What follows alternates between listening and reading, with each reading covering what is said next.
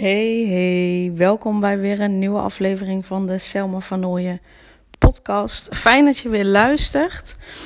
Ehm, en ik ga, en dan zul je misschien wel denken, er eh, komt weer met het boek. Maar uh, ik ga nog een keer, uh, nog een stuk delen uit het boek Familieopstellingen, Bert Hellinger, Systemische Familietherapie van Nick Blazer. Ehm, ik ben het boek aan het lezen en ik lees zoveel terug dat ik denk, oh, dit dit herken ik zo of um, dit zie ik ook zo. En uh, daarom wil ik het graag ja, met je delen. In de hoop dat het je helpt in je, in je eigen uh, proces, in je eigen gezin, in je eigen rol als ouder, maar zeker ook als partner. Uh, dus ik wil er nog een stukje uit delen. Ja, in de hoop dat het jou weer verder brengt. Goed, er staat: we willen allemaal een goede vader of moeder zijn.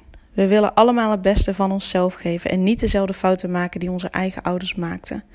We willen dat onze kinderen later met dankbaarheid terugkijken naar hun jeugd en enthousiast vertellen over hun mooie kinderjaren. Uit het voorgaande blijkt dat hoe meer wij in vrede leven met onze eigen ouders, hoe beter wij als ouders zullen zijn. Um, daarbij wil ik zelf de toevoeging geven uh, wat je heel vaak hoort is. Uh, dit wil ik echt niet hetzelfde doen als mijn ouders. Ik wil echt niet hetzelfde opvoeden als mijn ouders. Ik wil het per se anders doen. Um, doordat je het op. En, en dat komt omdat je bepaalde dingen gemist hebt in je jeugd van je ouders. Of juist net bepaalde dingen misschien wel te veel hebt gekregen. Misschien wel te veel bescherming. Waardoor je echt zoiets hebt van ja, maar dat wil ik mijn kinderen niet aandoen. Want dan, nou ja, vul maar in waarom je dat niet wilt doen moment dat je op die manier daarop gefocust bent, hè, ik wil het per se anders doen als mijn ouders. Ik wil het per se anders doen. Misschien denk je wel, ik wil het beter doen of ik ga het beter doen. Op het moment dat jij erop gericht bent, echt specifiek op, ik ga en wil het anders doen dan mijn ouders, dan ben je daarop gefocust. En aan de ene kant is het waar je op focust, dat groeit. Dus dan zul je uh, misschien een bepaald deel inderdaad anders doen dan je ouders. Dus dan zul je misschien inderdaad uh, minder beschermend zijn als jij heel beschermd opgevoed bent. Uh, maar dan op de een of andere manier ehm, compenseer je dat de andere kant. Dus dan laat je je kinderen misschien heel, heel erg vrij. Um, zonder oordeel verder. Maar dan kan het ook weer zijn dat je ze um, eigenlijk te vrij laat dan dat je zelf zou willen, of dan dat jouw kinderen nodig hebben. Dus dat je te veel gefocust bent op je kinderen vrijlaten. Uh, waarbij je dan misschien wel vergeet om echt te kijken naar je kind. Want misschien heeft jouw kind iets juist meer nodig om uh, wat meer beschermd te zijn. Dus doordat je erg gefocust bent op ik ga het anders doen dan mijn ouders, uh, ga je misschien juist net voorbij aan kijken naar oké, ik heb dit gemist bij mijn ouders. Vind ik jammer. En ik ga het anders doen. Wat betekent dat ik specifiek ga kijken naar mijn kind of naar mijn kinderen. Wat hebben zij nodig? Hebben zij het nodig dat ik ze vrijlaat? Of hebben zij het juist nodig dat, um, dat ik ze wat meer bescherm of juist net meer begeleid? Beschermen uh, is misschien niet het juiste woord, want ik geloof ook dat het. Hè, ik wil dat kinderen zo lang mogelijk kind kunnen zijn.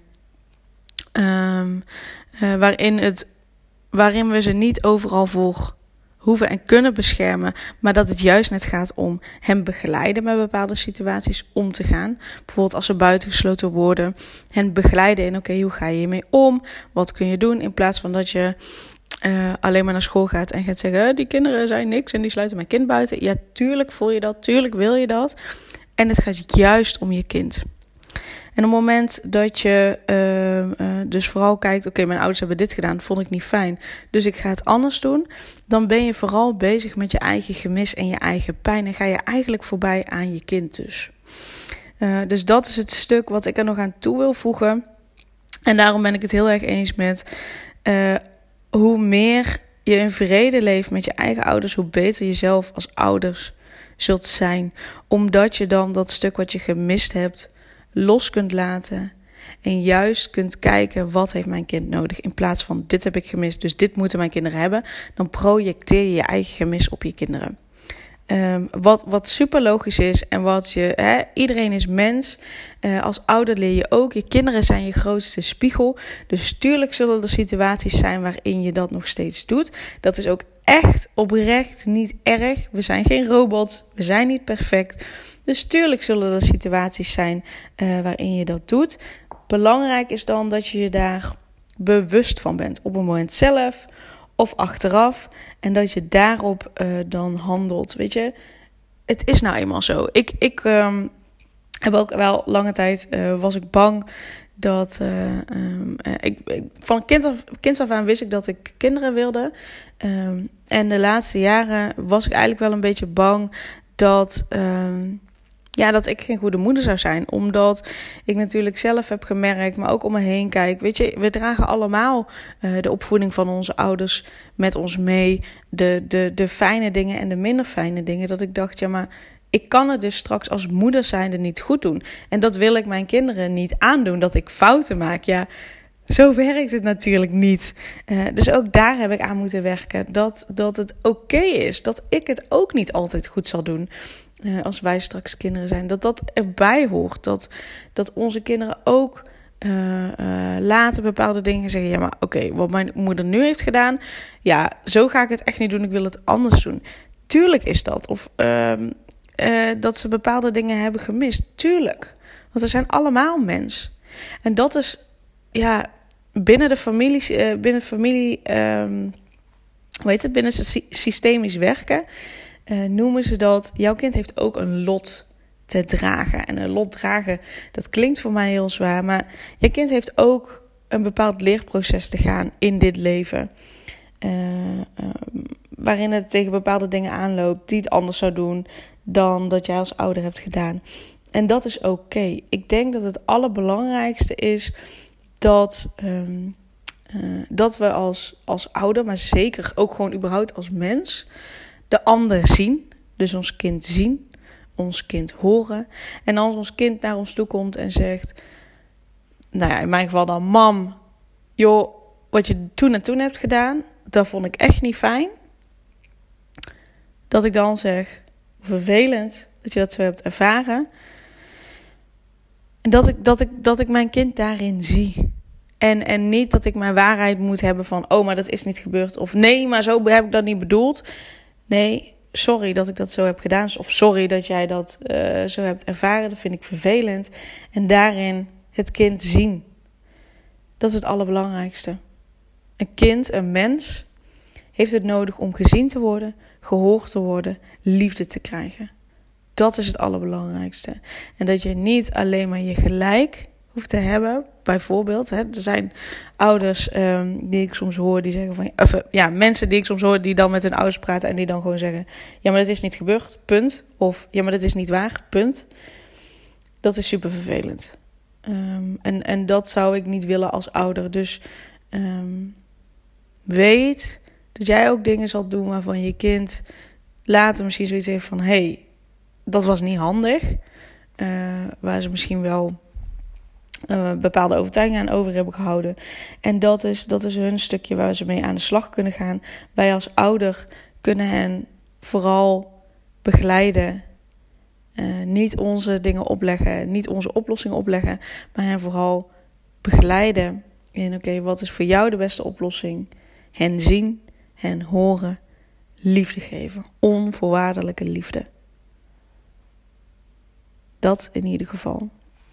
Uh, nog een stukje wat ik voorlezen. Eriksen uh, zegt: Het is nooit te laat een mooie jeugd gehad te hebben. Uh, ja, het is nooit te laat om een mooie jeugd gehad te hebben. Als wij onze belangrijkste verstrikkingen hebben weten op te lossen, zullen deze onbewust werkende krachten ons niet meer dwars zitten. Dus ook dat stuk van, hè, oh, ik ben te beschermd opgevoed, dat wil ik niet voor mijn kinderen, dus ik ga het anders doen. Dus ik ga het gewoon het tegenovergestelde doen zonder te kijken naar mijn kind. Dat kan een verstrikking zijn. En op het moment dat je dat op weet te lossen en dat voor jezelf uh, een plek kunt geven, zodat je je ouders kunt zien als je ouders en dat zij hebben gedaan wat ze konden, dan zullen dus die onbewust werkende krachten je niet meer dwars zitten. Hoe beter wij in staat zijn onze eigen last zelf te torsen, hoe kleiner de kans is dat een kind geneigd zal zijn die mee te willen dragen. Dus eh, als ouder wat je kunt doen is, je kunt nooit helemaal voorkomen dat je zelf ook bepaalde dingen niet handig doet. Wat je wel kunt doen is ervoor zorgen dat uh, kinderen niet jou, uh, ja, jouw verleden gaan dragen uh, door er zelf mee aan de slag te gaan. En nog een stukje wat ik ook mooi vind. Hetzelfde geldt voor de relatie met onze partner. Als wij onze partner als mens zien, als mens met zijn eigen noodlot, zijn eigen levensweg, kunnen wij de partner met al zijn schoonheden en tekortkomingen, respecteren. Dit beïnvloedt direct de relatie met onze kinderen. In de hiërarchie komt de paarrelatie op de eerste plaats. Een kind merkt dit en kent geen jaloersheid. Het voelt zich veilig en geborgen. Nou kan ik me voorstellen dat je zegt uh, de paarrelatie op de eerste plaats, maar mijn kind komt op de eerste plaats.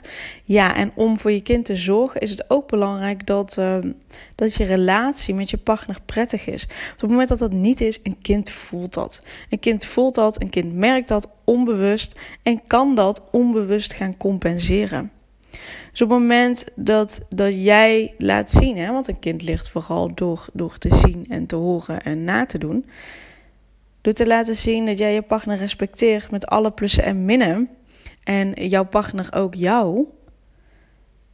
Um, heeft dat invloed op je kind. Gegarandeerd. En op het moment dat jullie relatie uh, stabiel is, fijn is, dan voelt een kind zich veilig en geborgen. Zo werkt dat. Dus dit zijn echt de punten die ik echt even graag met je wilde delen. Um, met daarin dus ook een stuk hoe ik dat dan zie. Om je, uh, om je daarin mee te nemen in mijn denkwijze. Um, om je daarmee te inspireren. Um, en ook uh, hopelijk een stuk gerust te stellen van weet je. Ja, wij zijn ook mens. Wij zijn geen robot. Dus ook wij zullen dingen misschien niet altijd handig doen voor onze kinderen. Dat hoort er nou eenmaal bij. En ook dat is oké.